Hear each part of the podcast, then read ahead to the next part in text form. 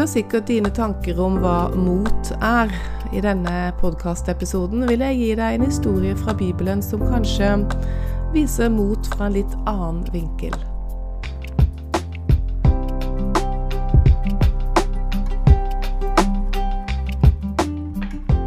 Så hyggelig at du har tunet inn på podkasten Våg. Mitt navn er Tone Dalhaug, og jeg er journalist, coach og forfatter.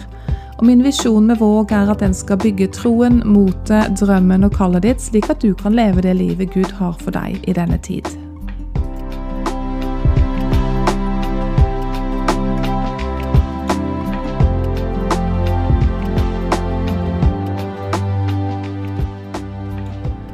Ja, det er historien om Naaman i andre kongebok jeg har lyst til å dele med deg i dag. Og den historien har jeg litt gode minner om, fordi den eh, leste jeg veldig mye for eldstemann da han var liten. Og han elsket eh, å høre om Naaman som eh, ikke ville dyppe seg i elva. Eh, han kunne ikke forstå hvorfor han ikke ville det, når eh, Gud hadde sagt han ville helbrede han. Og eh, vi hadde en sånn fargerik barnebok da med Naaman som plaska rundt i elva til slutt. Og ja, mange gode minner fra den fortellingen. I dag så skal jeg ikke ha så mye fokus på Naaman, men, eh, men lite grann. Han er jo historiens eh, en av historiens eh, hovedpersoner. Men jeg hadde lyst til å løfte fram to andre personer og si litt om mot. Og uh, hvordan vi kan, hva vi kan lære, og hvordan vi kan anvende det og bli oppmuntret i vår egen reise, og som kanskje bygger motet ditt, slik at du kan leve det livet Gud har for deg. Jeg slutter aldri å forundre meg over hvor mye visdom det er i Bibelen, eh, og spesielt på mitt tema som handler om å, å leve ut det livet Gud har for oss, og, og bygge troen og motet, drømmen og kallet, som jeg pleier å si, så er det stadig ting, eh, og nesten hver gang jeg leser, så får jeg noe som som kan brukes inn i, i eh, å undervise om dette temaet. Ok, i kapittel fem da, i andre kongebok, la oss dykke litt ned i det. Der er det Naaman da, som eh, er en øverstkommanderende i hæren til kongen av Aram, står det. Og han, eh, han, en, han, er dyktig på sitt felt, men han har da en spedalskhet. Og han hører jo også til fienden av Israel. Eh, og så står det at eh, arameerne da hadde tatt til fange en ung pike fra Israels land, og hun tjente hos Naamans kone.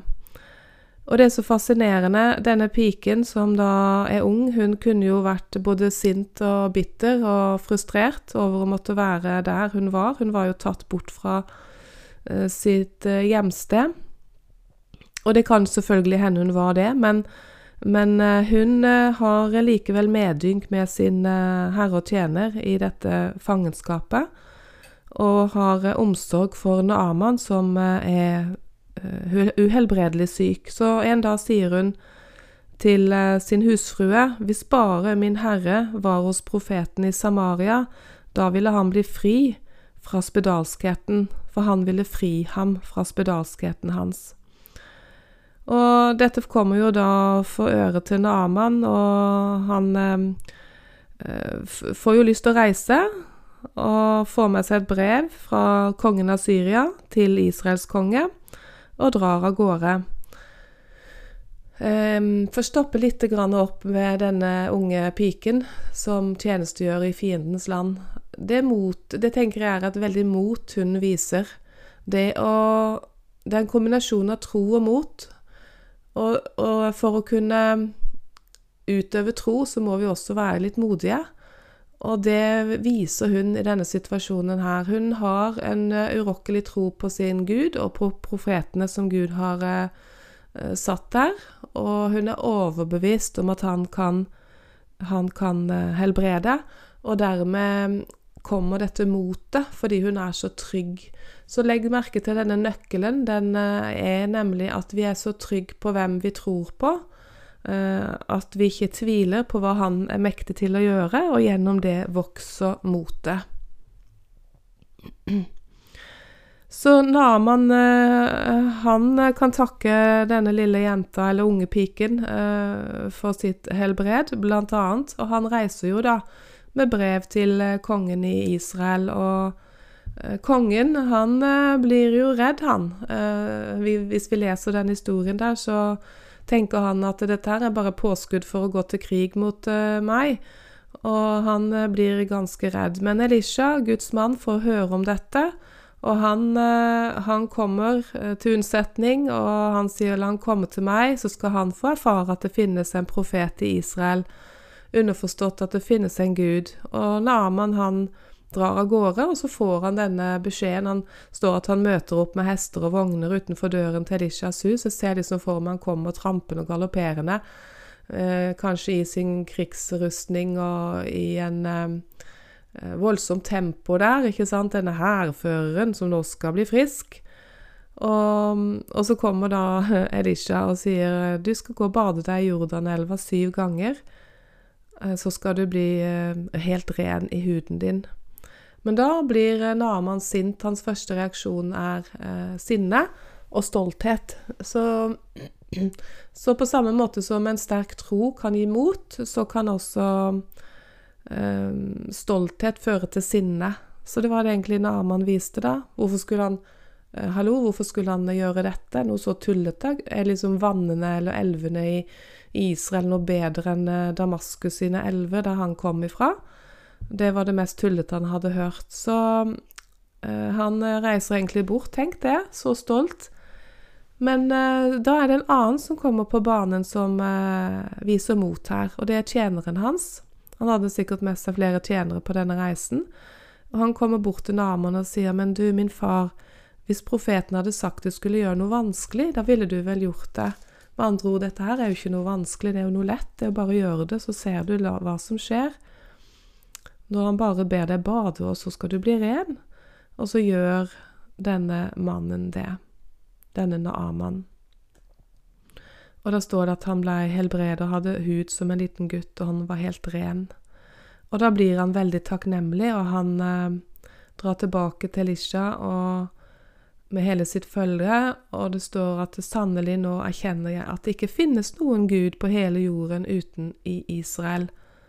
Ta derfor imot en gave. Men så vil ikke Elisha ha, ha den gaven. Det er jo en annen historie. Men, men uh, det ender med at uh, profet, nei, Naman uh, får øynene opp for at det finnes bare én gud, og det er Israels gud. Og grunnen til at det denne hærføreren får det sterke vitnesbyrdet, det er av to litt modige, veldig modige personer. En ung pike som er fanget, som eh, har sånn sterk tro at hun viser dette motet og vil at Naaman skal bli helbreda. Hun viser jo ikke bare et mot, hun viser også en enorm nåde og kjærlighet til en fiende som har tatt henne som fange. Det òg er veldig sterkt. Og så tjeneren da til Naaman, som som oppmuntra han. Han hadde jo ikke behøvd å si noe, han kunne bare være stille og kanskje en tjener av en hærfører, veldig sånn ydmyk og forsiktig og tør ikke så mye, liksom, for dette, hva kan han finne på å gjøre med meg? Men han tør altså å si ifra, han tør å si, vet du hva, dette her syns jeg du skal prøve. Dette her er jo ikke vanskelig, det er ikke et vanskelig oppdrag, hvorfor ikke bare prøve han? Han eh, står jo ikke noe om hva hans tro var, og han kom jo med fra fiendens land, han også. Og jeg vet jo ikke om han hadde erfart Gud, mest sannsynlig ikke, men han tror likevel at her er det noe, og så handler han på det. Han viser et mot, han også, selv om han nok ikke har den samme overbevisningen som denne unge jenta har, som kjente sin Gud, og det er en profeten i hennes land. Så dette hadde jeg lyst til å oppmuntre deg med, at um, Mot kan se litt forskjellig ut. Dette er et litt annet type mot enn David viste, f.eks. Han viste jo også et voldsomt mot. Men uh, dette er et mot som uh, Men også der, for David, som, som uh, har en veldig sånn tillit til Gud, da, og kjenner sin Gud godt. Det handler mye av det samme. Jeg tenker også denne gutten med brødet og fisken, ikke sant. det handler om mye av det samme. Det er en sånn tillit til at han, han Jesus der eller han Gud som jeg tror på, den Gud som jeg tror på, han, eh, de, de kan noe som er, er utover min fatteevne. De er til å stole på, de kan jeg ha tillit til. De kan jeg komme med mitt lille, og så vil de gjøre noe stort. Og det visste jenta, det visste tjeneren, eller det, det våget tjeneren å tro på. Og det resulterer i at en hærfører fra fiendens land får se hvem Gud er. Bare tenk så stort det er. Bare tenk og, og viktig dette, denne hendelsen er. Og hvor viktig det er motet og den troen som eh, disse to personene viser. La det oppmuntre deg til å tenke på mot på forskjellige måter.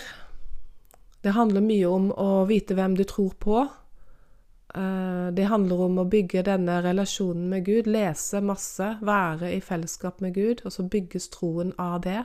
Og da kan vi være modige på forskjellige måter, også som eh, tjenestejenten og denne tjeneren til Naaman. Gud velsigne deg, og ta kontakt med meg hvis du ønsker å gi noen respons på noen måte.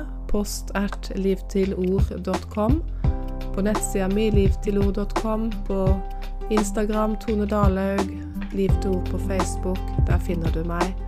Og Skapernettverk, en Facebook-gruppe på i, har en Facebook-gruppe som du kan være med i hvis du vil. Gud velsigne deg. Gå ut og tjen Herren med glede, og vis mot på ulike måter.